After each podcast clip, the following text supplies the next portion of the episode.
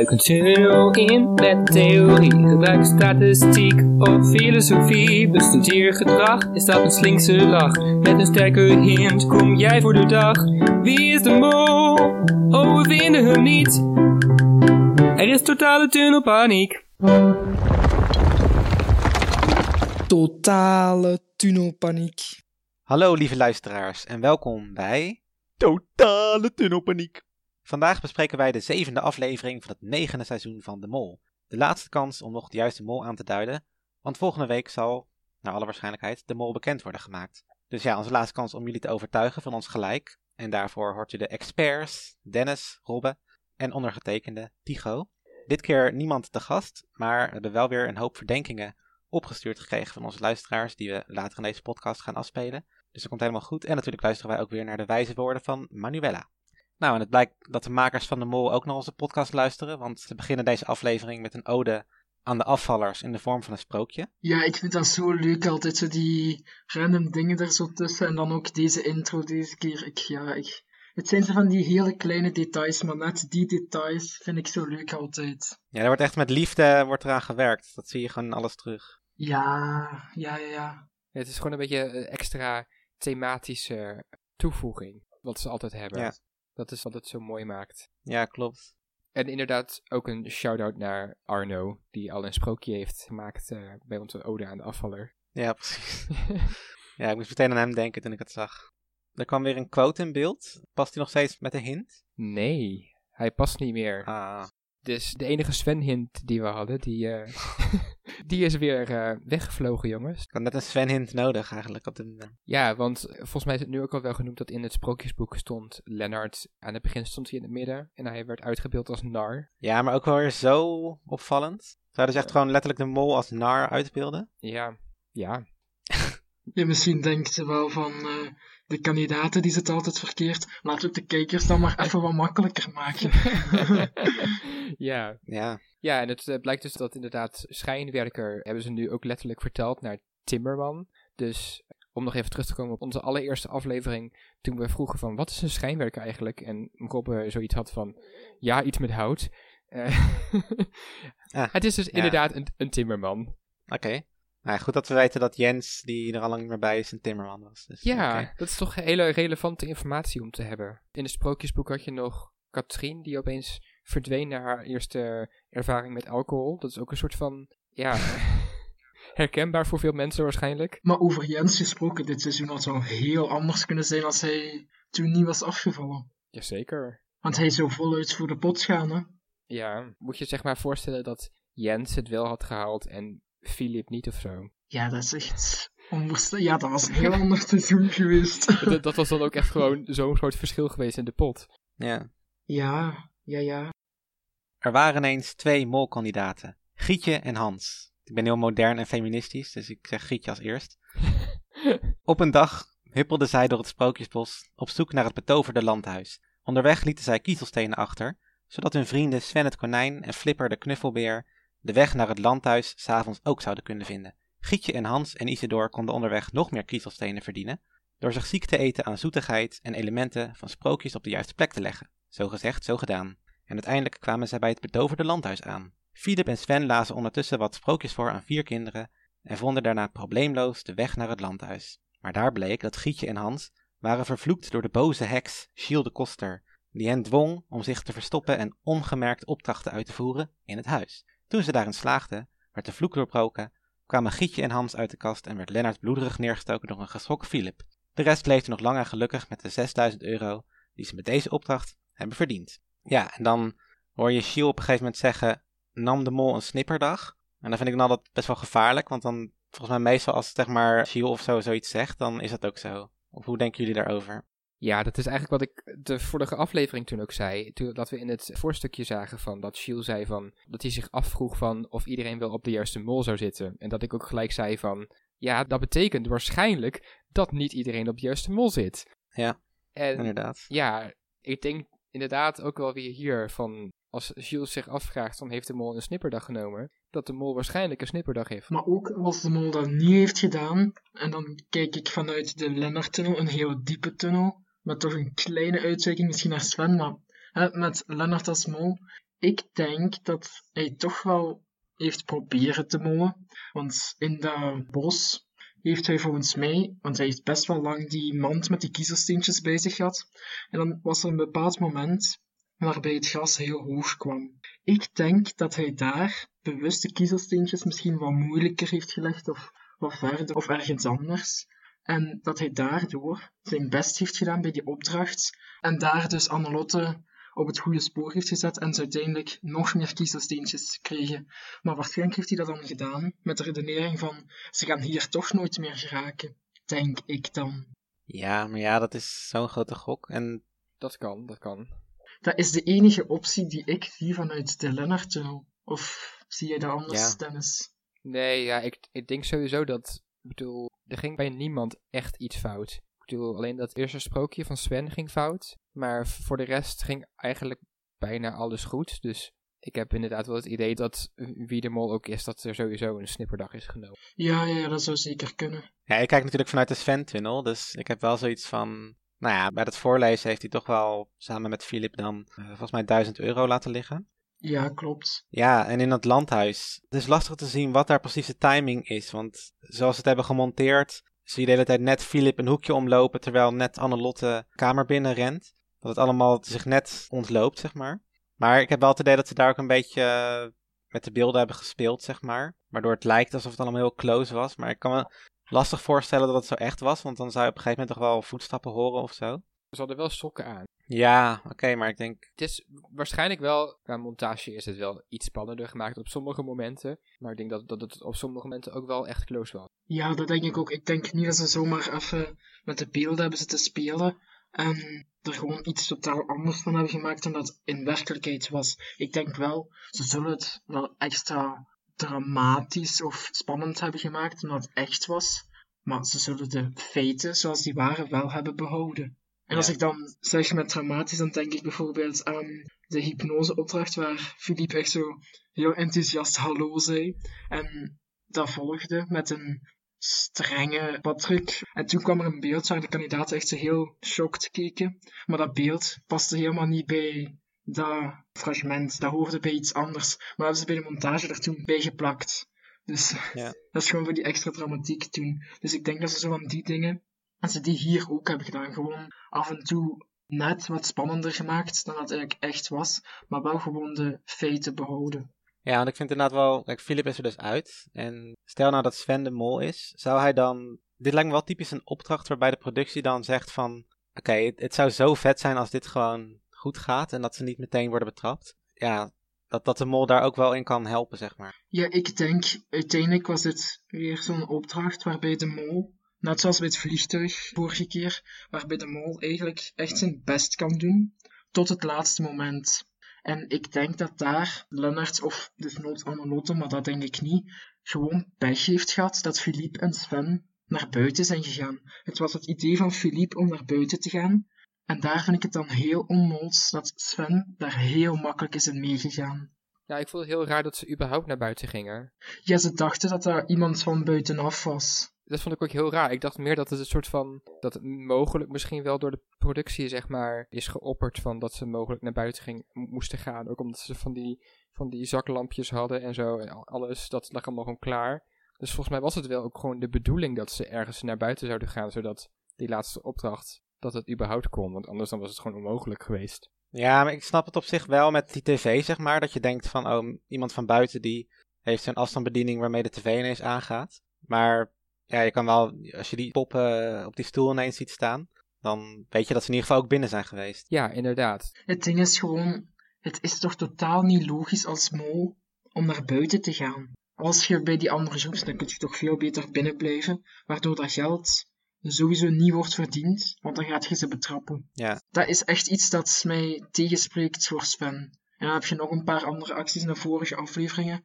En Lennart heeft gewoon veel minder van dat soort acties. Ik denk wel bijvoorbeeld Sven, je zou wel kunnen zeggen bij deze opdracht van, je ziet hem wel een paar keer tegen Philip zeggen, ga jij even de broodjes halen? Of Ja, dat kan wel allemaal zo zijn. Maar hij gaat wel naar buiten tijdens die laatste opdracht, hè. Dat is voor 1000 euro, hè. Ja, en met de broodjes is het wel voornamelijk Philip zelf die elke keer initiatief daarin neemt.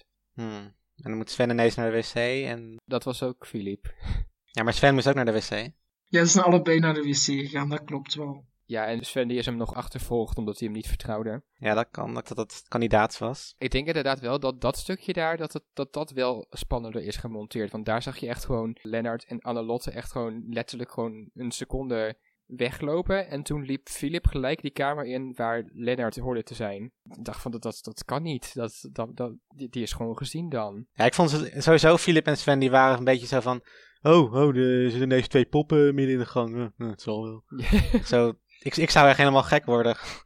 ik zou meteen het hele huis doorrennen op zoek naar eh, geesten of weet ik veel wat. En nog terug naar het verhaal eh, vertellen, want daar zijn we even snel overheen gegaan. Het eerste verhaal was Hans en Grietje. Nou, ik, ik weet niet hoe goed ik het ken. Ik ken het wel een beetje, maar wisten jullie het antwoord zelf wel? Dat het met een kippenbordje was? Nee, ik wist alleen van dat uh, kniebel, knabbel, knuisje. Maar... Dat was ook zeg maar van, ik ken het verhaal wel enigszins. En ik dacht wel van, nou, hij doet iets anders of zo naar buiten steken. In ieder geval niet, zijn vinger. In ieder geval, weet ik veel, een twijg of een takje of weet ik veel wat. Maar heel specifiek een kippenbordje was ik ook nog niet opgekomen. Dus op zich vond ik het niet heel raar dat het fout ging. Nee, klopt. Er stond ook wel bij van dat we het met logisch nadenken konden raden. Maar ik weet niet of dat, hoe dat dan zou kunnen. Ja, misschien als er ergens in het verhaal een kip is geslacht of zo. Of ik, Oh, ik, heb, ja, ik heb geen Ja. idee. Maar Nee, ik had inderdaad ook wel bij die opdracht zoiets van, ja, hoe moet je dit weten? ja, ook omdat ze natuurlijk zelf eigenlijk die dingen moesten invullen. Je moet gewoon het sprookje kennen. En als je het sprookje niet kent, dan is het gewoon mislukt. Ja. Ik, ik had het uiteindelijk ook nog wel echt te doen met die kinderen die op het einde echt gewoon zo zaten van... "Ah, wanneer is het afgelopen jongens? Alsjeblieft. Oh, ik vond hun reacties echt zo geweldig. Ik zat ook echt de hele tijd naar die camera te kijken van, wat zijn het voor idioten? Klopt. Even serieus, als Lennart de mol was, dan had hij toch de allerbeste molactie ooit kunnen doen door gewoon op het moment dat hij samen met Annelotte in die kast zat, gewoon een keiharde scheet te laten.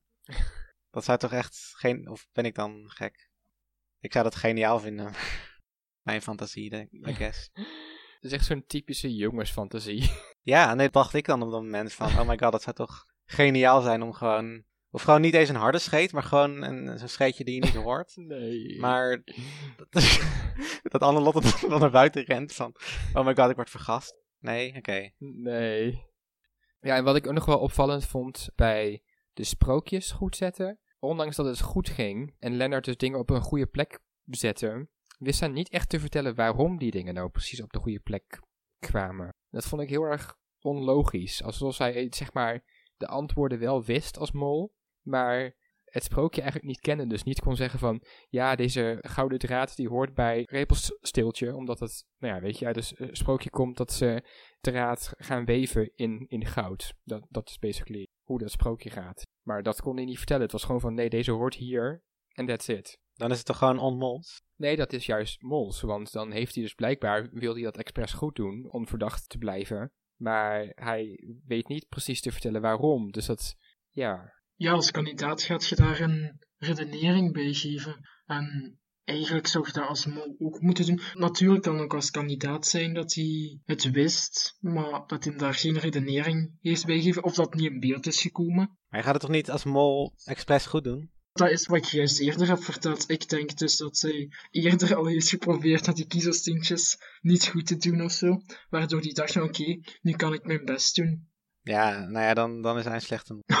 Je gaat, je gaat toch gewoon, je gaat toch niet denken van nou, ik- de kiezelsteentjes, ik hoop dat het, ik ga nu even alles goed doen. Ik ga even duizend euro's binnenhalen en dan hoop ik maar dat ze die kiezelsteentjes niet zien. ja maar je, je hoeft toch gewoon niet elke opdracht alles te mollen, wat je een goede nou ja, in maakt? principe wel, toch? Nee. Als je ook nog enigszins onverdacht wil blijven, dan moet je ook dingen goed doen. En zeker nu je een slag hebt geslagen van 10.000 euro uit de pot, dan mag je best wel een opdracht goed doen en een paar duizend weer terugverdienen. Want je staat nog steeds 4000 in de min uiteindelijk. Ja, maar daarom moet je dus ook niet 10.000 bieden, want dat is, ja. Sowieso was die opdracht niet voor geld, het was voor kiezelsteentjes. Dus dat is eigenlijk ook wel een ideaal moment om Ja, dat is ook wel u onverdacht te doen lijken. Want uiteindelijk wordt het geld verdiend door Philippe en Sven. Natuurlijk wel door Annelotte en Lennart, die de steentjes goed moeten leggen en zo. Maar als je dat als mol slecht doet, of niet goed of minder goed, dan gaan Sven en Philippe het waarschijnlijk ook niet halen. Maar daardoor is het zo raar dat het toch is gelukt. En daar vind ik dan een twijfelgeval voor Lennart als mol. Op basis van deze opdracht dan, hè. Ja, dat is precies wat ze willen. Dat je gaat twijfelen. Ik voel, ik voel me nu echt een beetje in een soort van eh 1 tegen 2 gevecht. Ik, eh, Sven probeert te verdedigen als mol. Je gaat Ja. je echt met goede argumenten moeten komen. Ja, nou ja. Ja, en echt dat, dat snoephuis was wel echt een droom. Echt gewoon hoe Annelotte daarop reageerde was letterlijk hoe ik had gereageerd als ik daar stond. Echt van, oh my ja, god. ik ook.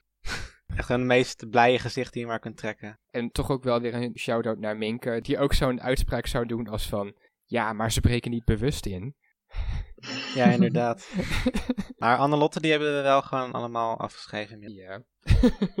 Zeker weet. Het gaat echt tussen Lennart en Sven. Die twee kunnen het perfect allebei zijn. Ik denk Lennart, maar ik hoop wel echt op Sven. Ik hoop het zo hard, maar ik denk toch Lennart. Maar ja, wie weet. Maar Annelotte is zeker niet gewoon. Ze heeft al heel veel onmolse acties gedaan. Die ga ik straks ook even toelichten op het einde. Ja, verder nog iets over deze opdracht? Ik vond het wel echt geniaal hoe Lennart eigenlijk met die fles wijn in zijn, in zijn Ja. eh, schuilplaats zat. Ja, ik bedoel, als je daar een uur moet zitten of zo, dan ja, groot gelijk heeft hij. Ja, dan krijg je dorst. Ja, Ja. precies. Ik vond het ook wel mooi dat Shield er ook echt zo van zat te genieten. Ja. Ja, dus viel me ook op dat Lennart in de app, dat hij ook in accent eh, typt en niet alleen praat. Ja, inderdaad. Dat doe ik wel even of zo. dat Ja. eh, vond ik wel opvallend. Ik weet niet, doe jij dat ook, Robbe? Dat je soms van die typische uitspraken of zo, dat je dat ook in, in de app doet? Goh, ja, zo. Ik zal, typ ik dan meestal als ik zal, zeg maar. Maar ja, wat moet ik daarop antwoorden? Ja, gewoon normaal, denk ik. ja. Ik ken wel veel Vlamingen die meestal gewoon zeg maar Nederlands praten. Maar als ze dan met andere Vlamingen gaan chatten of wat dan ook. Dat ze dan wel echt eh, in accent overgaan. Dus dat vind ik altijd wel, ehm, ja, eigenlijk wel knap. Ja. Maar hoe zouden jullie reageren als jullie, als jullie zeg maar in de plek van Sven en Philip waren en jullie zagen, gebeuren ineens allemaal rare, creepy dingen? ik vind het zo raar dat het zo lang heeft geduurd, of dat die Ja. niet eens door hadden, dat dat Annelotte en Lennart waren. Maar ja, je denkt daar misschien niet aan, maar toch, dat is zo, zo raar, vind ik. Ik dacht gelijk van toen ze die twee poppen gingen neerzetten van, oh, dat zijn, zijn dan Hans en Grietje, zeg maar. Moet dat voorstellen? Dus dan denk je, denk je gelijk aan Lennart en uh, Annelotte. Dan, dan, dan gaat er toch iets, iets draaien in je hoofd. Sven dacht dat Philippe de mol was. En ik denk in mijn redenering dat Philippe denkt dat Sven de mol is. Dus ik denk dat die twee gewoon dachten van, ha, het is de ander die gewoon mij was het de beste op de plage. En dat ze daardoor daar niet echt hebben bij stilgestaan. En pas later zijn ze dan naar buiten gegaan. Omdat ze dachten dat iemand van buitenaf was. Ja, bizar. Ja, ik heb, ik heb ooit had trouwens nog een perfecte Lennart-imitatie van, voor deze opdracht. Dat is zo, allee, allee, allee, allee. Echt, Ja. echt een beetje zo'n lage, onnozele allee. Moeten we het nog over prostaatproblemen hebben of kunnen we door naar de volgende opdracht? Ik had letterlijk opgeschreven van... Philippe molt de radio en Annelotte levenslust van alle mannen. Ja, ja dat klopt wel. Ja, Ja, dat is wel een, eh, een heftige constatering van Annelot ineens. uh die, eh, die dacht van... eh, weet je, ik zit nog met alleen maar mannen. Ik ga ze allemaal uitschakelen. Ja, precies. Hier met die pot. Ja.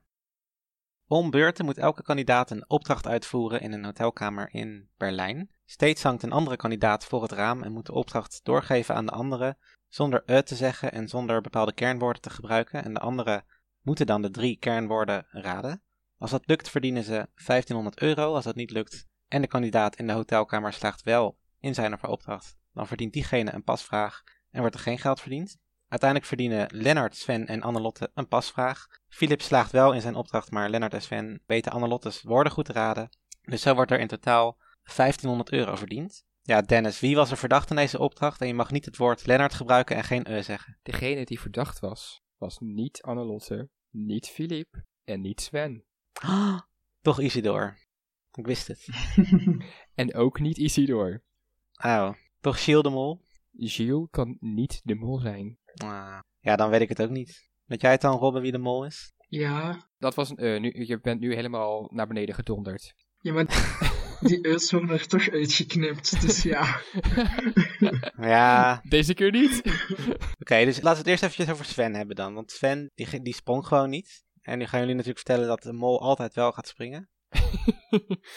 nou, het, het hoeft niet per se. Ik bedoel, als een mol echt hoogtevrees heeft, dan kan het best zo zijn dat de mol gewoon zegt van ja, sorry, ik, ik ga dit niet doen. En dat heeft dan als ja, bijgevolg dat er inderdaad ook geen geld wordt verdiend. Dus dat is dan mooi meegenomen. Ja, ik, ik begrijp het ook zeker, want ik heb zelf niet geen hoogtevrees. Ik heb toch ondertussen al mensen gesproken die hoogtevrees hebben en die ook zeggen van ja, dat ga ik echt, dat zou ik echt nooit van mijn leven doen. En vraag ik van, en stel je waart de mol en je wilt je niet verdacht maken, doet je dat dan ook niet? En dan zei ze ook wel van ja, nee, dan doe ik het ook niet. Ik kan dat echt niet. Dat is veel te hoog voor mij.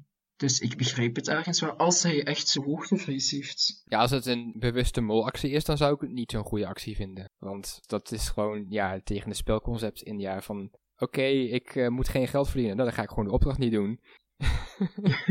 De ideale molactie is hier eigenlijk als je daar hangt, dat je gewoon twee woorden correct kunt omschrijven zonder die woorden niet te zeggen of zonder eh te gebruiken. Maar dat derde woord moet je dan juist wel verkeerd gaan doen, waardoor ze die niet meer kunnen raden. En daardoor komt het toch wel over alsof het bijna was gelukt. Ja, dus eh Philippe. Dan heb je wel een beetje zeg maar de gedachtegang van die kandidaten door. Van dat is dan het meest verdachte. En dat klopt bij Philippe, dus daarom zitten ze allemaal op hem. Ja, maar kijk, dat is niet op één opdracht gebaseerd. We hebben al zes andere afleveringen gehad waar dat Filip veel te verdacht was. Ik snap echt niet dat al die kandidaten op Filip zaten, maar echt niet. Ja, Maar jullie grote vriend Lennart, die eh, kwam wel last minute nog met het woord slipje ineens. ja maar hij heeft al gemold. Ja. Hij, hij heeft gewoon een deel van de opdracht heeft hij gemold, een andere deel niet. Ja, ik begrijp u, Dennis, maar daar ga ik u toch even tegenspreken, want uiteindelijk als Sven er niet opkomt, dan hoeft je er zelf eigenlijk ook niet op te komen. Je bent niet verdacht door de andere kandidaten, dus dan kun je best wel wat risico's pakken, vind ik. Dus ik vind het wel stom van Lennart als hij de mol is, dat hij dat toch heeft gedaan. Daar ben ik het wel mee eens. Ik ben ben het wel mee eens dat hij, dat hij wel dit misschien meer had kunnen mollen. Maar het maakt hem nog niet, niet de mol. Ja, nee, zeker niet, maar het is... Ja, ja daar sluit ik bij aan. Ja, ik denk wel dat ja, die e van hem, ik denk dat het wel echt per ongeluk was. Gewoon ongeacht of hij de mol is of niet, kwam het wel echt heel plotseling zo. Ik, denk niet dat je als mol bewust meteen e zegt, toch? Of wel? Ja, het kan wel. Ja, kijk, als we kijken naar deze podcast, al ik bedoel, ik denk dat we er allemaal wel een beetje op letten dat we niet te veel us gebruiken. Allee, dat doe ik toch, zodat we minder moeten knippen achteraf. Oh ja, ik let er niet op. Zoiets is gewoon heel snel onbewust gebeurd. En dat kan evengoed de mol overkomen als een kandidaat. Dus ja, het is... Het kan tegelijkertijd ook gewoon een heel brutale actie van Lennart zijn, hè. Nou, dat denk ik dus. Dat zou wel echt geniaal zijn. Want ik vond het eerlijk gezegd, dacht ik echt van, oh, dit is niet zo goed geacteerd. Oh, dat had ik nu ook weer niet. Want hij had eigenlijk al een reactie voordat het bijna gebeurde. Dus het, ja, Ja, ik vond het wel echt een beetje gespeeld overkomen in die zin. Sowieso waren de reacties in deze aflevering wel interessant om te zien. Sowieso in het fragment wanneer Annelotte valt, wanneer ze dat eigenlijk niet had verwacht. Of dat echt is of niet, maar ook gewoon op het einde toen dat, dat rode scherm van Philippe kwam. Dus dan is het ook wel interessant om die reacties allemaal te bekijken. Dus daar is deze aflevering wel heel goed voor. ja. Klopt. En hoe leuk was het, zeg maar, dat ze... Volgens mij hadden ze de opdrachten... Die hadden ze natuurlijk al wel klaarstaan. Maar volgens mij hebben ze nog wel ook gedacht van... Oké, welke persoon gaan we welke opdracht laten uitvoeren? Ja, sowieso. Want het was wel eh, dan heel toevallig dat Sven, degene die niet met het hondje wil lopen met een roze truitje aan... Dat, dat, dat Sven dan toevallig degene is die een trouwjurk aan moet. En dan dat eh Philip, onze vrouwenverslinder en onze, onze flirten, dat hij met, met, met slipjes moet, moet gaan gooien met zijn, eh, met zijn dikke teen. Ja. Was wel allemaal perfect, zeg maar, op, op de kandidaat aangesloten. Ik zat er gewoon een hele opdracht lang te denken van, hoe hebben ze dit bedacht? Ik, ik, ik had er gewoon heel graag bij willen zijn bij de, bij de brainstorm sessie, dat ze deze opdrachten bedachten. Ja, ik denk dat het een beetje deels geïnspireerd is op de opdracht vlak voor de finale in het seizoen van Zuid-Afrika. Wat deze Ja. opdracht natuurlijk niet minder goed maakt, maar wel ook gewoon weer even grappig als toen, of misschien nog wel grappiger. Ja. Dus- Nou ja, toen ehm Annelies eh, vliegen moest doodslaan met pannenkoek. eh, Oh, dat is zo geweldig. nee, deze opdracht zat ook weer heel goed in elkaar. En we hadden het juist ook al even over Annelotte, die totaal niet verdacht is. Daar komt deze opdracht ook weer heel duidelijk naar voren. Want tijdens de eerste ronde, toen Philippe de woorden moest omschrijven, heeft Annelotte de woorden, ehm, de woorden rozenblaadjes en pedaalemmer allebei geraden. En toen zij de woorden moest omschrijven, werd er wel 1200 euro verdiend. Ja, Ja. ja. ze, ze was heel erg goed bezig met eh, geen eh zeggen en met alle, alles goed uitleggen. En wat mij daar dan, ook, daar dan ook weer opviel, was dat Philip had net eerder tegen Lennart gezegd, toen ze Sven verwachtte van, ja, ik, ik was de eerste keer, was ik zeg maar, eh, werd ik van de wijs gebracht, omdat jullie vragen gingen stellen. Dus dat moeten we niet zoveel doen. En toen later bij Annelotte, toen ging Lennart heel veel vragen stellen. Ja, maar ja, ze wisten dat woord niet. Dan moet je sowieso wel vragen gaan stellen. Hè? Ja, maar het viel wel op dat hij echt, echt wel, eens- het leek wel zijn best deed om heel veel vragen te gaan, gaan stellen Ja, aan dat wel. Annelotte. goed punt, goed punt.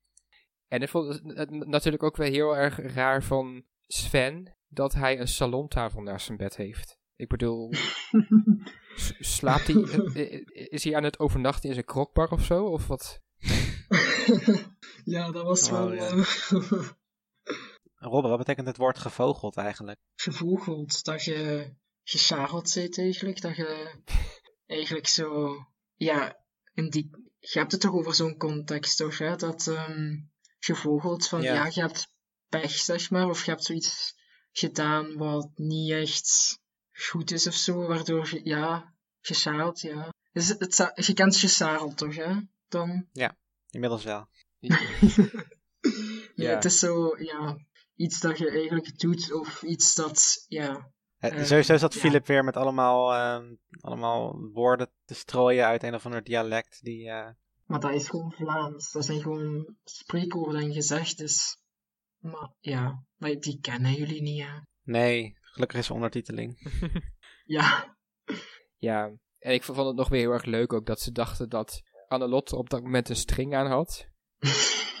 Of een tanga. Dat is wel gewoon ja, iets, iets wat, wat mannen wat minder goed weten. Dat is gewoon een maar vrouwending. je weet toch dat een slipje toch, ja, dat is toch, dat is toch logisch. Ja. Ja. ja, wij wisten de woorden natuurlijk wel, hè, maar ik denk wel dat ik daar was op gekomen, toch? Ja, en een, man, en een man weet toch ook wel wat, wat een string is. En dat, dat een vrouw dat niet gewoon elke dag aan heeft waarschijnlijk. Sowieso. ja, maar sowieso in zo'n avontuurlijk programma. Slipje, tanga, weet ik veel. Allemaal hetzelfde, joh. Oké, oké. Toch of niet? Oké, nou ja. Misschien ligt het aan mij. Ja, wat eigenlijk ook nog wel heel erg opvallend was, als we het ook weer hebben over van dingen die ze zeggen, eh, die ze zich afvragen, die, die dan waarschijnlijk waar zijn, was dat we een fragment hadden van Annelotte, die zich heel erg afvroeg of één pasvraag echt het verschil ging maken. En dat ze dacht van, van, nou nee, ik, ik wil niet geloven dat dat de doorslaggevende factor is. En toen dacht, en vanaf toen dacht ik echt gelijk van, oké, Filip die gaat die pasvraag niet krijgen en dit gaat de doorslaggevende factor worden. Dus eigenlijk vanaf dat punt dacht ik al van, oké, shit, Filip gaat eruit. Ja. Ja, Ja, daar wil ik inderdaad zo nog wel even met, met jullie over hebben. Over nou ja, die verdenkingen en wie Philip dan verdacht. En wat we daaruit kunnen concluderen. Maar, maar is er over deze opdracht nog iets te, ja, te melden qua ver- Nee. verdachte acties? Oké, nee, ik denk het niet. Ik denk dat we alles benoemd hebben. nou ja, dan eh, komen we inderdaad bij de eliminatie. En dan eh, gaat inderdaad Philip eruit. En eh, dan is de grote vraag, wie verdacht Philip? Want als de rest allemaal Philip verdacht, dan hebben die sowieso twee daarvan in ieder geval de test ook niet heel goed gemaakt. Hij verdacht alleszins niet Lennart, want dan was hij afgevallen. Ja, dan, he- dan heeft, heeft iedereen gewoon dit hele seizoen alle testen gewoon verpest. Ja, Waarschijnlijk. Ja, ja, ja. Ik, ik, was echt, ik dacht echt dat Jasmin misschien ook al juist had gezeten. Of ja, het is zo... Ja. Ik had toch verwacht dat iedereen op het spoor, op het juiste spoor ging zitten. Dus ik was wel echt verrast toen bleek dat iedereen op Philippe zit. En ben de meest opvallende kandidaat. Die echt te, eigenlijk echt de nepmol van het seizoen was. Dus dat had ik niet zien aankomen. Ja, maar Philip die zat al echt vanaf uh, aflevering 2 of zo, zei hij dat hij al, zeg maar, al inging op één iemand. Dus ik neem aan dat dat dezelfde persoon is als wie die, als, op wie die aan het einde nog zat. Ja, dat weten we niet helemaal zeker natuurlijk. Maar nee, oké, als maar... die kandidaat nog in het spel zit, zal die dat waarschijnlijk wel... Maar zou dat bijvoorbeeld Lennart kunnen zijn, of Annelotte? waarom niet Sven?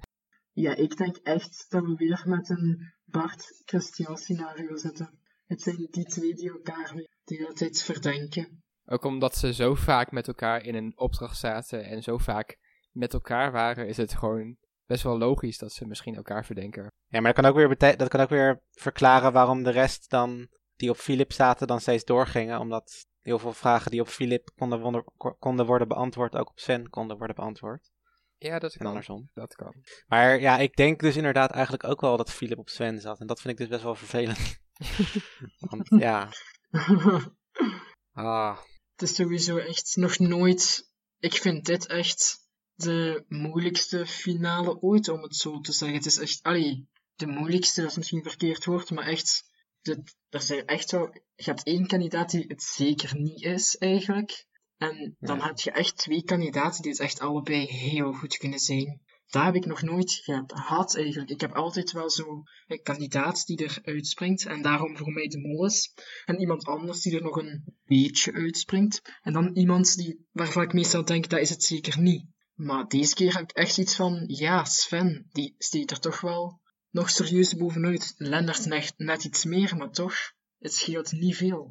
Ja, klopt. Dat, eh, ik, als, ik, als ik naar vorige seizoenen van de Mol kijk, dan... Ik had met dat seizoen van Pieter, dat ik eigenlijk vanaf aflevering 1 op Pieter zat. En toen eigenlijk dacht van, nou ja, maar dit is zo obvious, het kan niet. Dus toen ben ik in, in de finale nog gaan twijfelen en toen eigenlijk overgestapt op Lloyd. Ja, uh, daar, heb ik, daar heb ik ook ervaring mee. Ik heb twee jaar geleden ook. Allee, toen heb ik sowieso een moeilijke zoektocht gehad. Ik, heb, ik had begot geen idee wie het was. Ik zat de hele tijd op de verkeerde mol. Dat maakte voor mij dat seizoen ook echt super leuk. Omdat ik echt geen flow benul had. En uiteindelijk zat ik nadat Kaat afviel op Elisabeth. Maar uiteindelijk ben ik na aflevering 7 nog overgeschakeld, echt twee dagen voor de finale, naar Bas. En toen heb ik gezegd, ik ga nooit meer na aflevering 7 van Mol veranderen. En dat ga ik nu ook gewoon echt niet doen. Gewoon sowieso omdat ik Lennart toch nog altijd meer verdenk dan Sven. Maar ook gewoon omdat ik Lennart nu al sinds aflevering 2, 3 ergens verdenk. Dus dat zou voor mij dan de mol zijn die ik het vroegst door had. Dus heb ik ook zoiets van ja, daar wil ik dan ook gewoon bij blijven. Dat is dan zo'n beetje de soort van koppigheid van een moloot, om het zo te zeggen. Maar... Nou ja, ik had het ook, ik had het ook met, uh, met Wie is Mol jubileumseizoen. Dat ik eerst op Jeroen zat, de eerste paar afleveringen. En toen hem totaal op afgeschreven. En ja, toen uiteindelijk bleek het toch Jeroen te zijn. En, um, en vorig jaar had ik met, bij het vorige seizoen van De Mol, had ik, uh, had ik Jolien, was mijn hoofdverdachte. Maar ik had wel, Alina had ik nooit echt afgeschreven. Dus ik had het wel, altijd wel zoiets van, Alina kan het ook nog zijn. En ja, dat het nu, nu, maar nu ben ik wel echt een beetje nog steeds heel erg in twijfel eigenlijk. Ik heb over het algemeen, als ik zeg maar echt eh, het zeker weet, of dingen te weten, dan heb ik nu een score van 2 op 3 dat het goed is. Want bij Eline en Pieter was het ook daadwerkelijk goed. En bij Axel was het niet goed. Ah, en, en, vorig jaar wist ik het gewoon niet. Ik, ik, vond, ik vond alle drie gewoon. Eh, ik wist het gewoon niet. ja. dus op zich ja, dat ik nu zeg maar in ieder geval zeker denk te weten dat het Leonard is, dat is wel voor mijzelf een beter teken. Oké. Hmm. Het ding is ook gewoon wat gezegd over, ja, allee, als ik kijk naar mijn theorie die ik bijhoud van wie is de mol niet, en dan dat ik echt let op, um, op de kandidatenacties uh, die totaal niet logisch zijn voor een mol, waar ik dan punten aan geef en zo. Dan, als ik dan kijk naar vorig jaar, toen ik dat voor het eerst deed, toen was de achterstand van Alina op de tweede wel veel groter dan nu. Want nu is dat echt maar iets van anderhalve punt hè, tussen Sven en Lennart. Zodat toen tussen Alina en Jolien een veel grotere afstand tussen zat. Hmm. Dus... Nou, ik ben wel benieuwd wat uh, Manuela vindt. Of zij uh, mij nog uit mijn totale tunnelpaniek kan helpen. Eventuele tips. Hallo jongens, hier ben ik weer. En ik ga direct met de, met de met de deur in huis vallen. En ik ga direct zeggen wie ik verdenk. Ik denk ik ben bijna, ik hoop 100% zeker dat het de Sven is. Want ik vind de Sven een manipulator. Hij heeft dat van in het begin gedaan. Bij, met altijd maar over Filip. Altijd maar, jij, jij, jij flipper, jij dit, jij dat. Je kent het zo eigenlijk allemaal de afleveringen lang. Dus op het einde denk ik dat Lennart en Annelot dat die gewoon een beetje gebrainwashed daardoor zijn en dat die daardoor ook op Filip gestemd hebben. Ik zie er eigenlijk geen andere verklaring voor. Weet je ook dat Sven zo direct naast Samine ging zitten op die bomstoel? Je weet, ik heb het jullie nog al gezegd, dat vind ik heel raar omdat er nog zoveel plaatsen vrij waren aan die tafel. Jullie weten, ik ben heel sociaal en ik zou dat nooit niet doen. Of het moest mijn zus, mijn zuster zijn die er zat. Dan zou ik er wel naast gaan zitten. Maar nee, ik zou, ik zou nooit naast Samina gaan zitten. En zeker niet dat er nog zoveel plaats aan die tafel is. Daardoor ben ik zo hard beginnen twijfelen over Sven. En nu heb ik er iets goed over nagedacht. Ik heb heel goed gekeken naar de afleveringen deze keer. Jullie weten dat. Heel goed gekeken. En geluisterd ook. En Sven, ja, dat is volgens, volgens mij een, meestermanipulator. Ja, dat vind ik. En ja, en dan denk ik natuurlijk ook dat Filip ehm, ja, gewoon op, op Lennart of op Annelot zat en dat dat dan tot, totaal niet juist was. Hè? Want hij, hij zei, ik ben 100% zeker van mijn mol. Natuurlijk, als hij, als hij 100% zeker is en hij had ook geen pasvragen. Dus ja, en bij pasvragen of niet, het had toch niet uitgemaakt. Het, het zal toch voor Filip een verloren zaak geweest zijn, nee, toch? Ik wou ook nog eventjes de quote zeggen, want ik ben het in het begin vergeten. Vertrouw nooit iemand die jou niet vertrouwt, niet vertrouwen kan. Van de gebroeders Grimm. Ik heb wel eens eventjes gedacht met die pijltjes in het bos dat uh, Lennart op een, op een keer wel heel veel steentjes zo uh, liet vallen. Zo op een hoopje. Dat, dat ik dacht van ja, hij is met die, met die steentjes een beetje aan het, uh, aan het, aan het mozen. Dat kan wij zeggen zo. Maar ja, dan denk ik nee, want ze hebben het eigenlijk toch wel heel goed gedaan. En, en Filip en Sven hebben het dan ook wel heel, goed gedaan. dus die opdracht, die opdracht ja, dat, kon, ik, ik dan eigenlijk niet veel zien. Ook de, ook de opdracht in het huis zelf, Annelot en, uh, en Lennart, ja, die werkten ook weer heel goed samen. Dus die hebben dat ook weer heel goed gedaan. Je kan er ook dan niet, niet zeggen van, ah, er is daar een mol bezig geweest of zo, want ja, totaal niet dan, hè. En ik denk ook wel, als je naar het verhaaltje luistert, helemaal in het begin, dat daar ook wel veel tips in staan. Maar ja, ik, jullie weten, ik, uh, ik probeer één keer te kijken en dan, uh, ja direct daar mijn mening over te vormen. Ehm, maar ik denk in het verhaal helemaal in het begin dat daar ook toch wel heel veel uh, tips in zitten, denk ik. Maar ja, en ook het feit nog eens over die steentjes. Ehm, ik vind dat zo wel uh, iets van vertrouwen hebben in Lennart. Dat Annelot zomaar die steentjes uh, uit handen geeft. want met, met die steentjes had je wel eigenlijk veel, veel fout kunnen doen. Want dat jij die zo in het knipt niet wat steentjes laat vallen, ja, dan zijn die mannen toch wel, toch wel de weg kwijt. Dat denk ik toch. Uh, dan de proef in het hotel. Um, dat ze door die ramen moesten kijken. Maar ik denk dat dat wel een hele leuke proef was. Oh, en dan zeker dat ze de, je zo ineens naar beneden laten vallen. Oh, ik denk dat ik dan heel veel plezier zou gedaan hebben. Um, ik was echt jaloers dat ik die er zag hangen. Kun je het geloven? Um, maar oké, okay, die proef. Oh, de Philip die was keigoed begonnen. Oh, dat is toch zo grappig, hè? Die, die, is zo, die is zo leutig onhandig. Allee, ik vind dat zo'n leutige, zo'n leutige kandidaat. En ja, ik vind het ook al sowieso spijtig dat hij eruit is, want hij verdiende eigenlijk wel van in de finale aan te staan. Allee, is wat voor voor te doen. Um, hij begon heel goed, maar ja, eindigde heel slecht. Want uh, op het einde dan die ui en dan Lennertje. Helemaal in het begin, dat ui. Maar ik vond dat zo natuurlijk gedaan bij dat Lennert. En ik, ik kan niet geloven dat hij dat expres gedaan heeft. Dat kwam zo nat, natu natuurlijk, vond ik. Dus, goh, nee, hij, hij heeft dat niet expres gedaan, volgens mij. En dan het, het feit dat de, de Sven uh, in, dat trouwkleed, in dat trouwkleed op die rol schaatsen met die Berlijnse bol, dan vond, vind ik wel dat dat heel goed is dat hij dat moest goedmaken, want hij heeft niet van dat dak gesprongen. Dus ik kan wel geloven dat hij hoogtevrees had, zeker en vast wel, maar uh, dan heeft hij het heel goed gemaakt met dat trouwkleed, hè, want dat was wel echt hilarisch. En de Sven een beetje in dat huis doen, of dat hij bang was... Mm, mm, mm, dat geloof ik niet. Ehm, die wist dat gewoon allemaal wat, wat er ging gebeuren en ermee uit. Als je ziet op het einde hoe Philippe het opnam, dat hij eruit lag, ehm, je ziet dat toch dat hij echt een toffe man is en eh, een, een hele capabele man ook, want eigenlijk is dat een hele slimme. Hij is wel een beetje onhandig, maar hij, is, gewoon, hij is gewoon een hele, hele kei slimme, intelligente mens. Dat zie, allee, dat zie je zo, hè. Ik kan het ook wel geloven uh, van Filip, van zijn onhandigheid. Want sommige momenten zag ik mezelf er wel in.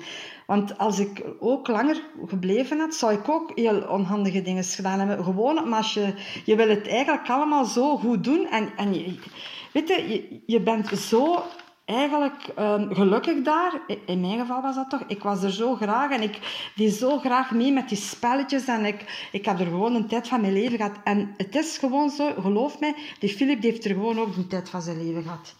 Daar ben ik 100% zeker van. Nu, ga ik jullie eens proberen te vertellen hoe het was dat ik uh, eruit lag. Um, dat is natuurlijk niet leuk. Hè? Je, gaat uit een hele leuke groep waar je zo intensief van alles mee gedaan hebt. Je mocht niks zeggen. Je moet weten, ik zat er in Argentinië helemaal alleen in een hotelletje. En dan, ja, je, je, je kan wel bellen naar iemand en er is altijd wel iemand die er is, dat zeg ik niet, maar je bent er wel helemaal alleen. Terwijl je nog vol met emoties zit.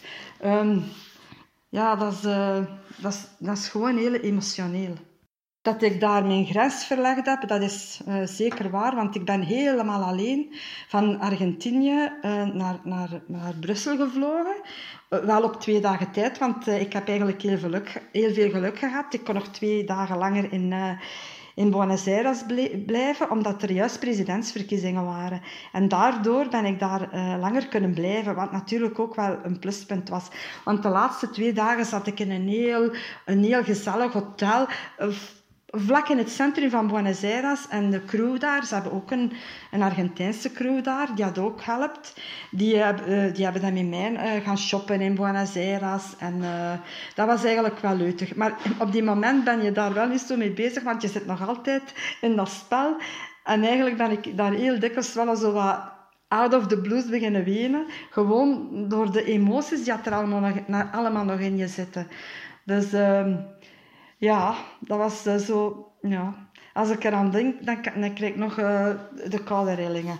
Maar natuurlijk, het is zo leuk van dat mee te maken. En uh, als, je dan nu, als ik nu Philip bezig zag, dan dacht ik... Amai, jongens, wat, wat een leuke tijd hebben, jullie daar weer gehad. En hij zit er maar zeker van die op tv kunnen, die misschien zo wel wat discussies hebben met elkaar. Maar ik denk, en ik ben er bijna zeker van, dat dat een hele, een hele goede groep is dat die, dat die wel heel goed aan één hangen. Dat denk ik wel. Voilà mannen, ik hoop dat jullie hier wat aan gehad hebben. En zoals jullie weten, ik verdenk Sven en ik ga er niet meer af. Nee, ik denk het niet. Sven is mijn mol nummer 1. Hey vrienden van Totale Tunnelpaniek. Het is Bas van de Mol Vietnam. De meest stresserende week van het jaar is eraan gekomen, denk ik. Iedereen stelt zichzelf dezelfde vraag: wie van de drie is het? Zalige aflevering gisteren, waarbij we ja, te weten gekomen zijn dat eigenlijk niemand op dit moment weet wie de mol is. Dus dat moet een verdomd goede mol zijn. Ikzelf meen dat ik het wel al weet. Ik, ik, ik zit al van aflevering 1 met Lennart in mijn vizier. Ik vind dat hij altijd wel op strategische plekken aanwezig is, maar toch wel heel, uh, zich heel bescheiden opstelt, zijn best doet, maar toch altijd ook wel in de buurt is als er iets mislukt. Dus ik blijf gewoon op Lennart. Ik denk gewoon keihard dat die kerel erin geslaagd is om wekenlang al iedereen op, de, ja, op verkeerde been te zetten. En um, het zou me echt niks verwonderen als volgende week Lennart eruit zou komen als mol. En ik vermoed Annelotte als winnaar. Denk ik. Fingers crossed. Huh? Ik hoorde ineens Bas. Dat, hoorde ik, dat zag ik totaal niet aankomen. Ik ook niet. Echt geweldig. Wauw. Surprise! Ja, heel fijn dat Manuela dat heeft geregeld voor ons. Ja, top. Wauw, dat was echt uh, een verrassing. En ik was ook super blij dat, uh, dat Manuela op, uh, op Sven zat. Ja, dat eindelijk, had... yes. wat, wat steun in voor de Sven Vers Versterking. Ja. ja, ze vond Sven een manipulator die altijd maar zei van Philippe dit, flipper dat. Dat is eh, wel interessant wat ze zegt. En dat daardoor de rest ook Philippe zou gaan verdenken. Ja, wat hebben jullie daarop te zeggen? Ja, ik vond het wel opvallend dat Manuela juist, uh, hoe dat, dat, dat ze Lennart best wel naturel vond. Ja, maar ik vond dat ook. Ik denk dat je echt de enige bent die dat slecht geacteerd vindt. Ja. oh. Ik vond dat echt goed. Ik dacht echt van, oh, ja, ik denk dat hij dat echt gewoon als small misschien ook gewoon totaal niet. Ik kan het echt heel goed geacteerd hebben. Maar jij zegt dat hij slecht heeft geacteerd. Als dat het acteerd is, vind ik het heel goed geacteerd. Maar ik denk dat echt gewoon ja, een verspreking is, om het zo te zeggen. Dat het echt onbewust was. Ja, nou, het is ook niet echt slecht geacteerd dan. Ik bedoel... Ja, want ik denk, als je het acteert, dan, dan ga je niet meteen uh zeggen, want dat valt heel erg op. Dan ga je gewoon ergens midden in je verhaal, als je merkt dat het uh, te goed gaat of zo, dan zeg je even uh en oh, dan is het klaar. Je gaat in ieder geval als mol wel proberen om je verhaal te doen en dan hopen dat de anderen uh, in het, op het verkeerde spoor zitten, zeg maar. Dat ze niet de juiste woorden gaan raden. En dan je gaat nog een beetje je best doen als mol, denk ik. Ik ga niet meteen, hoi, uh, oh, doei. Ja, maar dit is toch een veel leukere molactie. Ja. En dat is wat ik vorige aflevering ook al zei. Dit is gewoon, en dat, dat zie ik deze aflevering ook weer een beetje terug. Dit is gewoon de mol die molacties wil doen op net een andere manier. Op een manier die eigenlijk niet helemaal logisch is voor een mol. Dus eigenlijk acties ondernemen, doen, of hoe je het zegt, bepaalde acties doen die voor een mol niet helemaal logisch zijn, maar op die manier wel proberen er alles uit te halen. Ja. En dat vind ik interessant aan hem. Want nu, dat is, allee, als mol, je verwacht toch niet dat hij meteen eu gaat zeggen, of dat hij 10.000 euro gaat bieden. Dat zijn, en dat is ook een beetje brutaal misschien. Dat maakt hem ook een soort van brutale mol nu ik er zo over nadenk. Zodat ik eerst dat gevoel totaal niet had. Maar nu steeds verder in de aflevering denk ik wel, dit is de mol die acties wil doen, die dingen wil doen, die niet helemaal logisch zijn voor mol, maar waar hij wel alles uithaalt. Ik vond wel inderdaad, want Manuela zei wel, uh, Lennart een beetje met de stenen. Dat, dat, dat viel mij ook wel op. Dat, ook bijvoorbeeld als ze dan zo'n pijl maken, dat kon het volgens mij ook wel wat, met wat minder stenen doen. Maar ja, had een hele emmer vol met stenen. Dus het is ook niet zo dat ze volgens mij echt tekort kwamen of zo. Het was zwaar, waarschijnlijk. Ja. ik vond het wel heel interessant om uh, het verhaal te horen van hoe Manuela uh, ja, zich voelde nadat ze een rode scherm had gekregen. En dat ze nog even in Buenos Aires, Buenos Aires moest uh, verblijven. En het li lijkt me ook echt gewoon heel... Ik denk dat, dat eigenlijk het voor iedereen wel geldt. Dat als je in zo'n spel zit en je wordt ineens zo losgerukt uit zo'n groep. Echt gewoon, je hebt je rode scherm, je mag niet eens even gedag zeggen, niet, niet, niemand knuffelen. Je zag bijvoorbeeld bij Philip nu dat hij gewoon ook gewoon ineens wegliep. En ja, dan is het ineens over. Dat, dat, volgens mij roept dat bij iedereen wel emoties op. Dat moet sowieso ook wel wennen zijn als kandidaat om de dagen nadien een beetje eenzaam door te moeten brengen. En dat moet echt, want je zit in een spel dat echt 24 op 7 doorgaat, waar je niemand in kunt vertrouwen, waar je alles eraan moet doen om die ene persoon, die ene mol te vinden. En als je daar dan opeens wordt weggehaald, dat doet wel iets met iemand, denk ik. Ja, en vooral als je dan gewoon, kijk, als je dan weer gewoon meteen thuis zit en je hebt dan weer je dagelijkse dingen, dan heb je wel weer afleiding. Maar als je daar gewoon in een of ander hotel zit, uh, ja, je zit daar maar een beetje, dan, dan, dan denk je ook van ja, wat, wat nu, weet je wel? Want dan, dan zit je daar. Dat lijkt me inderdaad best wel lastig. Ik denk dat je dan inderdaad best wel. dat dat wel emoties oproept of zo. Was het trouwens niet in een van die eerdere Vlaamse seizoenen. van eind jaren 90 of zo. dat er een keer iemand afviel. en dat hij toen gewoon echt random, randomly nog even voorbij kwam rijden tijdens een opdracht? Nee, denk ik. Oh, dat, dat, dat, dat, dat was volgens mij, ik dacht in een oud-Vlaams seizoen. Het kan ook een ander buitenlands seizoen zijn dat iemand was afgevallen. En dan gingen de andere kandidaten nog een opdracht doen ergens. Volgens mij was het in Frankrijk of zo. En toen kwam nog ineens randomly, kwamen ze ineens zo'n oude kandidaat weer tegen. Die dus net was afgevallen. En toen ja, zeiden ze alleen hallo. En ja, toen, uh... maar nu je het zo zegt, ik denk dat ik me daar wel heel vaag van herinner. Ik heb sowieso die drie seizoenen echt in twee weken achter elkaar gekeken, twee jaar of één jaar terug. Ik dus, ook. Ja, nee, het zou wel kunnen, wel gezegd. Goh, dat is een beetje, dat is nogthans iets heel grappig eigenlijk. Dat is, ja, ik, ik herinner me iets, nu je het zegt, herinner ik me wel iets heel vaag van. Maar, en ja, toen hoorden we Bas ineens. Dat was echt een verrassing. Ja, dat was echt een leuke verrassing, inderdaad. Iemand die ook Lennart verdenkt, dus eh Ja, ook beetje mooi jammer. meegenomen. Ja, ja vanaf eh, aflevering 1 al, eh, blijkbaar. ja, net zoals Dennis, hè. net zoals moi. Ja, Ja, ik kwam iets later, omdat ik eh, eerst Philippe nog verdacht. Zoals alle kandidaten. ja. Maar ja, toen had ik hem dus uitgesloten omdat hij te verdacht was van mij. En vandaar dat ik ook echt verrast was dat de kandidaten dachten dat Philippe de Mol is. Want ja, ik vond hem echt heel obvious mol. En dat kan een tactiek zijn, maar dat is niet zo meest interessante tactiek. Ja, trouwens, ik zit even te denken. Ik weet niet eens meer, ik weet niet eens meer wie mijn mol was in aflevering 1. Maar volgens het zou best wel eens Lennart kunnen zijn. Maar goed, ja. Ja, ja, je hebt Lennart gezegd, want Ah. toen, dat was met Minke, toen hebben jullie twee Lennart gezegd en ik wilde dat ook zeggen toen.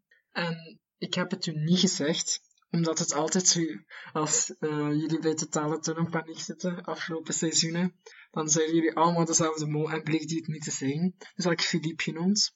Maar doordat ik Philippe toen ook had genoemd, ben ik hem ook echt gaan verdenken. Waardoor ik eigenlijk al geen spijt meer had of zo, omdat ik Lennart niet had genoemd. Want toen vond ik Lennart en Philippe eigenlijk best nog wel evenveel verdacht. Dus toen had ik zoiets van, ja oké, noem ik gewoon Philippe. Dus Ja. ja, het is Ja. interessant om zo die verdenkingen doorheen de afleveringen af te gaan. Ja. Want ja, Nou ja, Bas is natuurlijk ook wel iemand die, eh, die er verstand van heeft. Dus ik neem het wel serieus dat hij eh op Lennart zit. Ja. Want ja. Manuela zat nogthans ook wel op Jules, als ik mij niet vergis. Alleen heeft, hij, heeft zij toen tijdens de eliminatie de verkeerde keuze gemaakt, waardoor ze afviel. Ja. Hmm. ja, maar ze heeft nu, had ze in de eerdere voice clips, heeft ze ook wel Lennart verdacht. En nu gaat ze, voor- en nu gaat ze voor Sven. Ja, Zegt dat iets dat ze nu ook misschien weer wel de juiste mol op het spoor is geweest, maar weer een wissel heeft gemaakt? Eh, ik, ik, echt, ik, raak, ik raak alleen maar verder in totale tunnel van die. het is echt zo spannend deze keer. Die Lennart en die Sven, het, ja, het kan allebei. oh. Ja. Nou, in ieder geval heel erg bedankt, eh Manuela, weer voor je bijdrage. En Bas ook voor jouw bijdrage. Ja, super bedankt. Echt eh, heel leuk. Nou ja, laten we maar eh, eens gaan luisteren naar wat eh, onze luisteraars, De paniekzaaiers. ja, wat zij te vertellen hebben. Wat zij, eh, hun verdenkingen zijn. Ja, want zoals elk seizoen hebben we zeg maar de laatste aflevering dat de mol nog niet bekend is. Dan vragen we de paniekzaaiers om ons te vertellen wie zij denken dat de mol En dan eh, laten we een paar horen in de, in de uitzending. Ja. Bij wie gaan we beginnen? Ja, we beginnen bij Monkey's Uncle. Oké.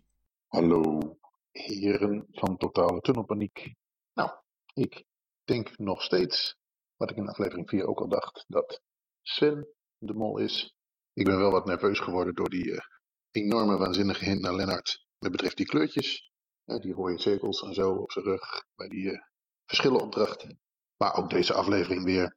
Lennart doet van alles goed. Zoals bij die sprookjes, zoals bij die, eh, wat is het, eh, het raden van de namen. En Sven doet weer niet zo heel veel goed. Zoals eigenlijk bijna elke aflevering wel.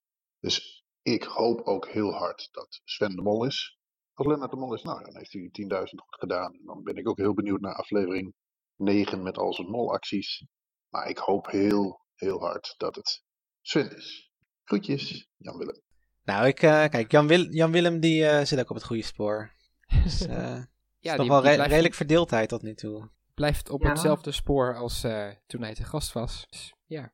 En Jan Willem die is op leeftijd en ervaren. Dus eh, nou, als hij het zegt, dan, eh, Ja. Ja, wel interessant om te horen dat hij wel bij zijn idee bleef dat hij toen destijds, toen hij te gast was, dat hij nog steeds bij dat idee blijft. Dat Sven de Mol is. Dus ja. Nou, dan gaan we naar de volgende. En dat is eh, Jan. Hallo, podcasters van Totale Tunnelpaniek. Eh, voordat ik mijn niet te weerleggen theorieën over de mol met jullie deel, wil ik eerst even aan een monoloog beginnen. En zeggen dat jullie een zeer leuk eh, seizoen hebben neergezet. En ik vind ook Robbe echt een leuke toevoeging. Want je hoort gewoon hoe enthousiast hij is over het spel. En dat is heel fijn om naar te luisteren. En ook vind ik het leuk dat jullie elke week een nieuwe gast hebben. Eh, want zo krijg je toch wel meer perspectieven te horen. En de interactie met de vaste luisteraar is ook altijd leuk. En natuurlijk de kerst op de taart is Manuela, die elke week tijdens haar snelwandeltocht door het bos ehm, haar verdenkingen met jullie deelt. Dus dat wilde ik eerst even gezegd hebben. Mijn mol is Sven. Ehm, eerst had ik lang op Lennart, maar ik vind hem eigenlijk te grijs om de mol te zijn. En ook het meest voor de hand liggend op dit moment. Want ja, dat was Philip natuurlijk altijd.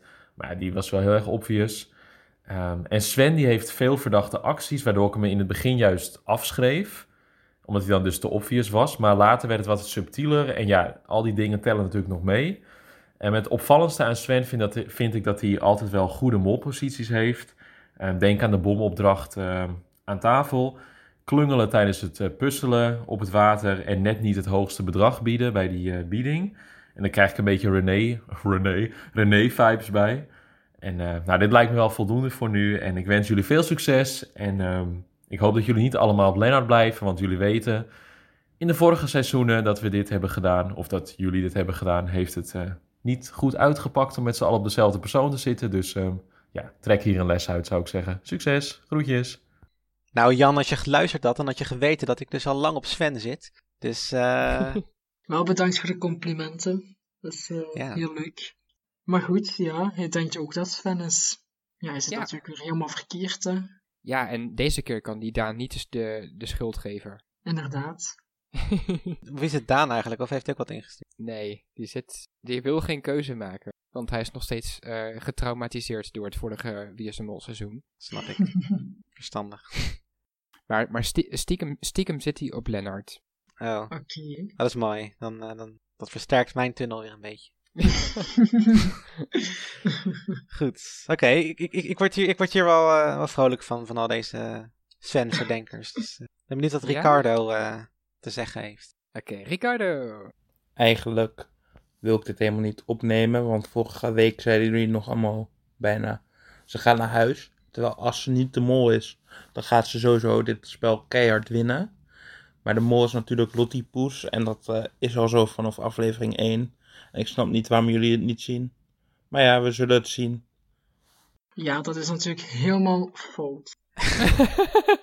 ja, nou ja, ik, ik, ben wel blij dat er nog een, een Lotte verdenker is. Want het is al dat, dat geweld van, uh, van Sven Lennart. Want op zich, ja, in eerdere afleveringen vond ik Anne Lotte ook wel heel erg verdacht. Dus alleen de laatste paar afleveringen dat ik wel denk van oké, okay, nu, nu gaat ze wel heel erg veel geld ophalen en heel veel onnodige acties doen voor een mol. Maar... Ja, dus dus we hebben toch nog een, een schaarse Annelotte-verdenker weten te, te boeien. Een roepende in de woestijn. het zou wel cool zijn als nu toch Annelotte is en Ricardo hier toch uh, zijn zeg heeft kunnen doen. En dat iedereen nu weet dat hij gelijk had. Ja, als, Anne, als Annelotte is, dan, dan, ja, dan, dan uh, moeten we echt diep door de grond zakken. Wel interessant dat er toch nog iemand is die Annelotte verdenkt. Dat er iemand voorbij komt. Dus dat ja. is wel leuk. Die zijn we helemaal verdeeld. Dus dan gaan we naar Hans. Oei, uh, zijn we begonnen? Hihi, hi jongens, Hans hier.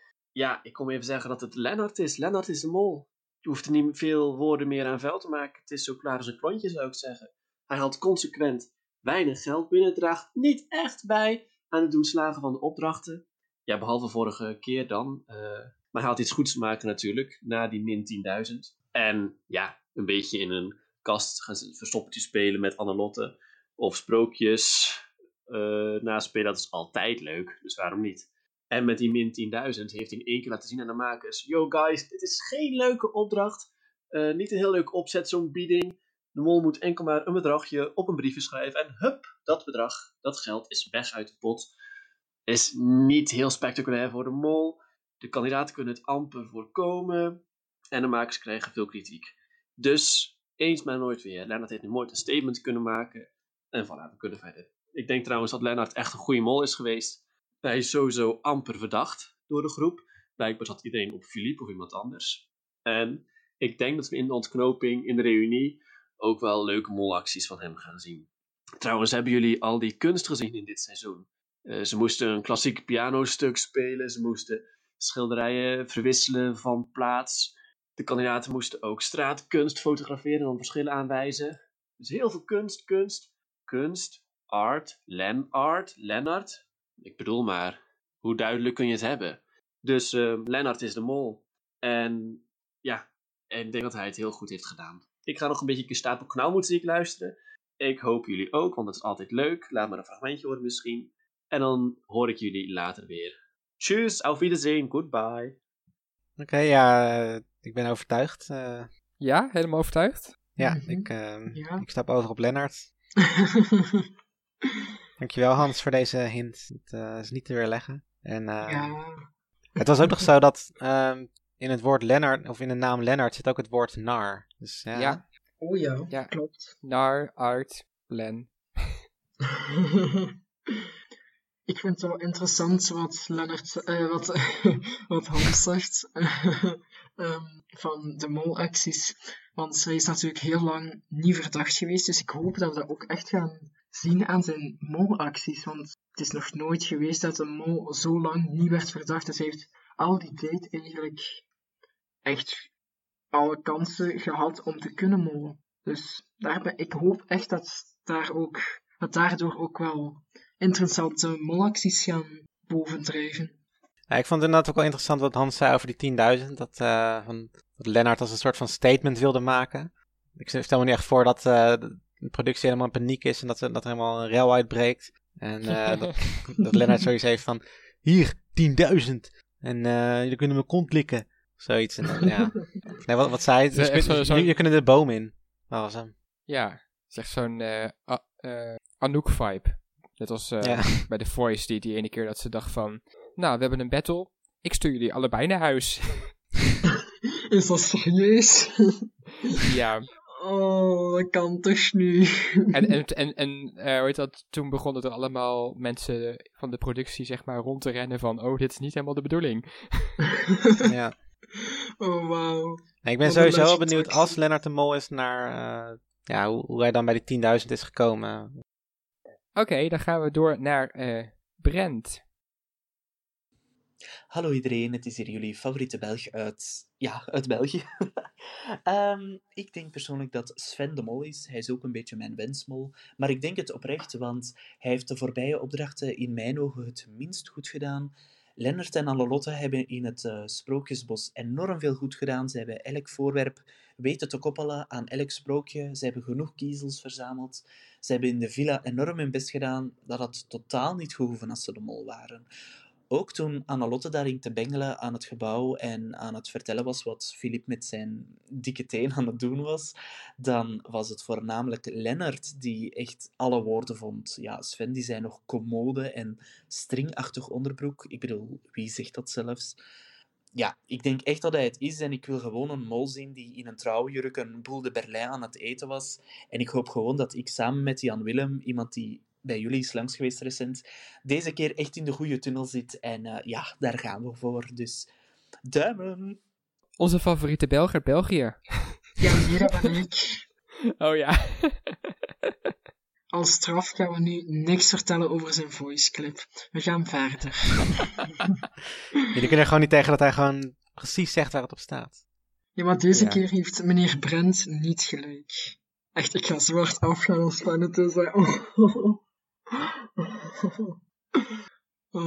Janier zegt wel interessante dingen, vind ik, over Sven als potentiële mol. En daar heeft hij volgens mij ook wel gelijk in, als hij de mol is. Ja.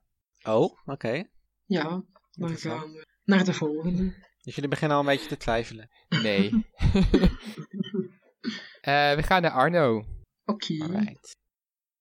Ja, hey, jullie molfreak Arno hier.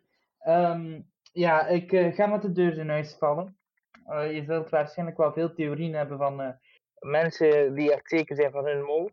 Ik, eh, ik zat tot nu nog volledig op Filip. Eh, ik denk dan ook dat Filip nog terugkomt. Nee, nee, nee, grapje, grapje. Ja, maar ik heb, ik heb dit seizoen echt geen idee. Ik, ik, ik denk echt dat ze met een hele goede mol zitten weer. Waar ik toch een beetje bang voor ben, is dat het Lennart is. Want meestal is het wel zo dat er iemand. dat je, dat je telkens vergeet. Want dat zei Robbe ook toen eh, wij onze, onze podcast hadden. Zei Robbe dat ook van. Er is altijd iemand dat je vergeet te noteren en dat is meestal de mol. En dat is in dit geval Lennart. En eh, ik ben bang dat dat weer het geval zo is en dat vind ik een beetje stom. Ik wil juist iemand die is wat meer op de voorgrond was. Annelotte en Sven zijn allebei wel redelijk op de voorgrond geweest.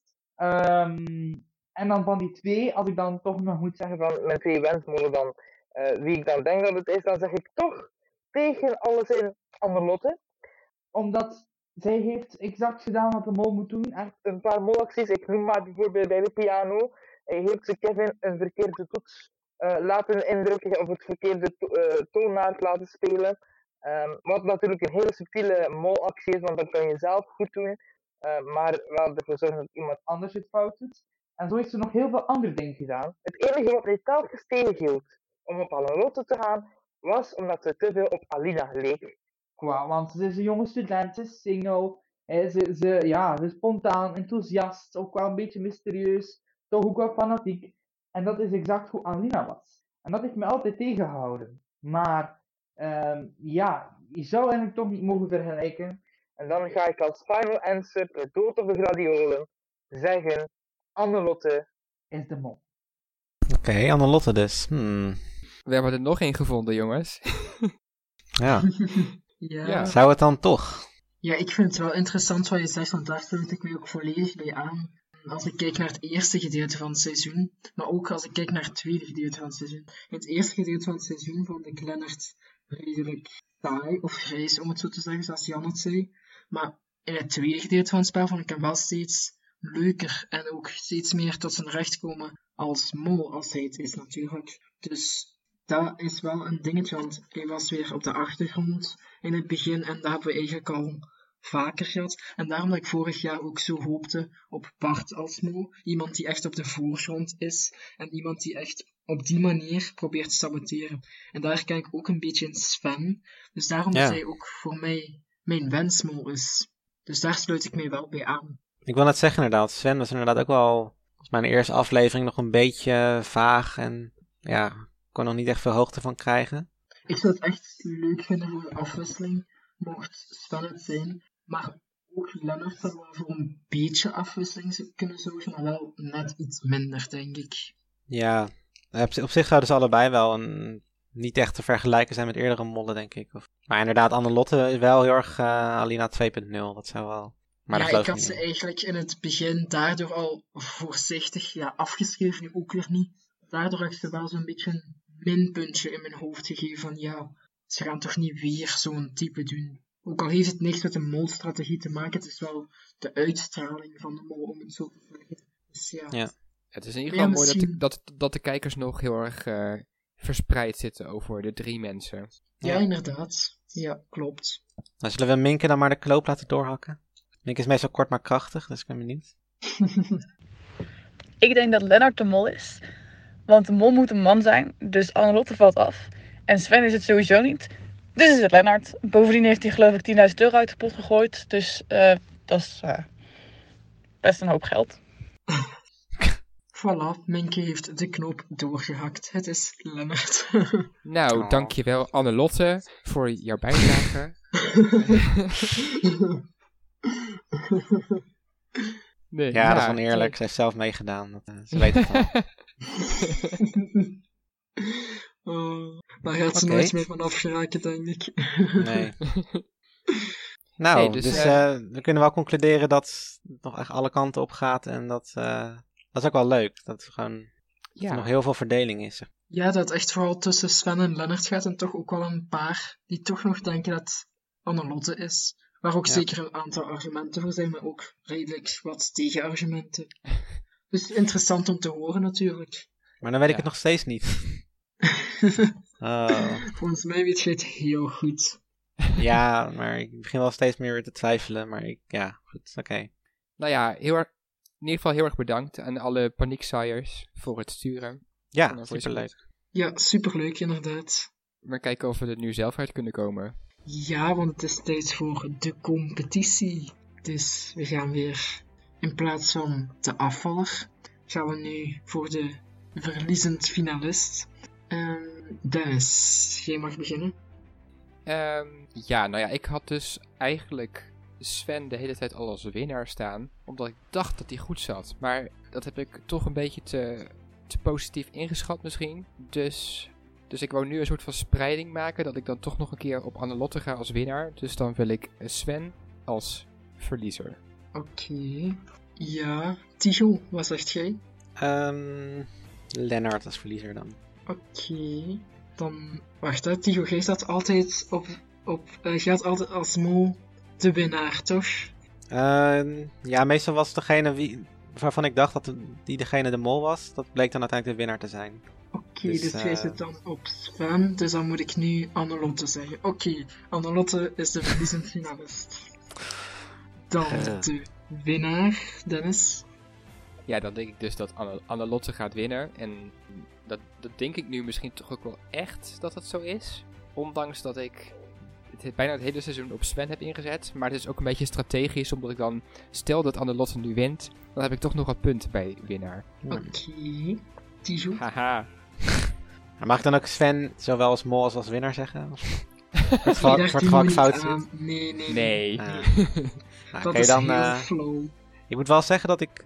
Ja, die finalisten, het, het verbaast me niks. Dus ik, ik heb wel het idee dat, dat Annelotte die, en Sven, die zag ik sowieso wel van verre aankomen dat die de finale gingen halen. Dus, ehm, en ja, en Annelotte zie ik dan ook wel het meest toch wel een winnaar. Meer dan in Lennart. Ja, Annelotte. Oké. Ja, ik zeg dan Sven als winnaar, omdat Tigo denkt dat hij de mol is, dan is het altijd de winnaar. Maar ook gewoon omdat ik het echt hoop. En het wordt sowieso spannend deze finale, want ze zaten alle twee op de verkeerde mol, dus het komt echt aan op wie het meeste informatie heeft bijgehouden. En of ze alle twee ook wel nu de juiste mol gaan kiezen. Stel je voor, twee finalisten zitten zelfs op elkaar. Hoe grappig zou dat zijn? Ja, wat, wat, wat dat betreft heeft, heeft Sven wel iets meer kans, denk ik, om op de juiste mol te komen. Omdat ik Annelotte wel minder verdacht vind dan Sven. Ja, daarom, dat is mijn redenering ook een beetje. Als Annelotte zijnde is het veel moeilijker om die keuze te maken, omdat je Sven en Lennart hebt. En hij heeft, eh Annelotte heeft deze aflevering ook veel met Lennart samengewerkt en veel geld verdiend. Dus daardoor denk ik ook echt oprecht dat Annelotte gaat verliezen en Sven gaat winnen. Dus ja, Ja. dan rest er nog maar één vraag, en dat is, hoe heet de mol? Dennis? De mol is eh, Lennart. Tigo. De mol is Sven. En ik zeg natuurlijk ook Lennart zonder monoloog. Dus Top! Hmm. spannend. Straks is het Annelotte en dan eh zit het allemaal verkeerd. Ja, dan komt er gewoon, dan komt er gewoon geen volgende uitzending meer dan, eh, Ja. van ons.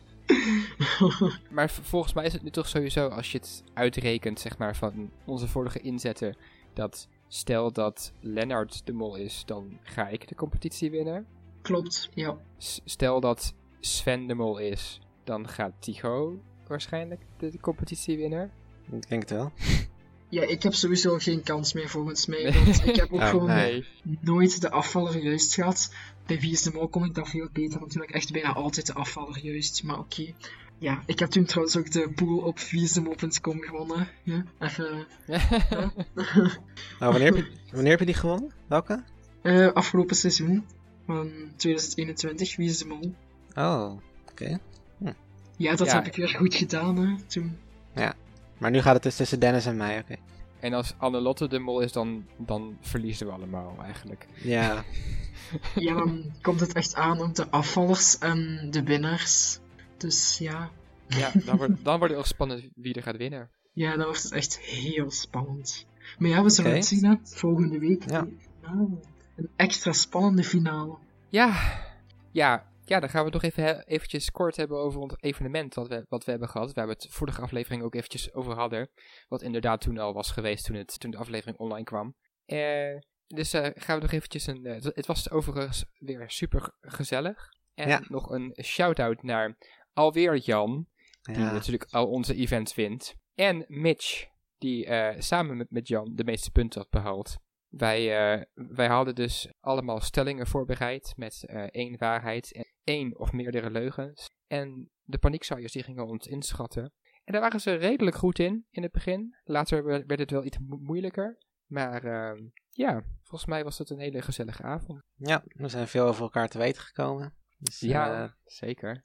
Weer een stuk- Inderdaad. stukje verdieping in elkaar. Dus eh, ja, dat is erg leuk, erg gezellig. Ja, Dus- dus en eh, ja, wil je niets van ons missen, dan eh, volg ons voor, voor, nou, eh, vooral op Facebook, Instagram, eh, ja, of eh, via onze podcastkanalen. Yes. Nou, dank jullie wel, eh, heren. En eh, we gaan het zien volgende week. Dan blijkt ook dat er met de aanvallers uit de eerste afvaller een parallel seizoen is opgenomen met een parallelle mol en een parallelle hond, die tegen Isidor moet strijden om eerder op de rode knop te duwen, zodat hun pot verdubbeld wordt en niet die van dit seizoen. En dat we de komende maanden dus nog kunnen genieten van dat parallelle seizoen en wij al onze zomerplannen kunnen cancelen voor nog wat maanden totale tunnelpaniek. Tot volgende week. Joe.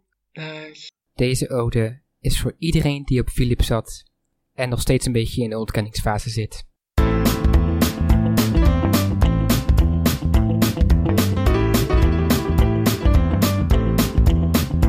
Ik heb Philip in het vizier. Geen opdracht wordt gehaald. Elke steen die zal vallen. God doe me, Philip. Maar nu is het gedaan. De mol is weg. Zoektocht is gecrashed. Niemand zat goed. Oh, wat pech. De tunnelvisie is gesmashed. Je komt morgen terug.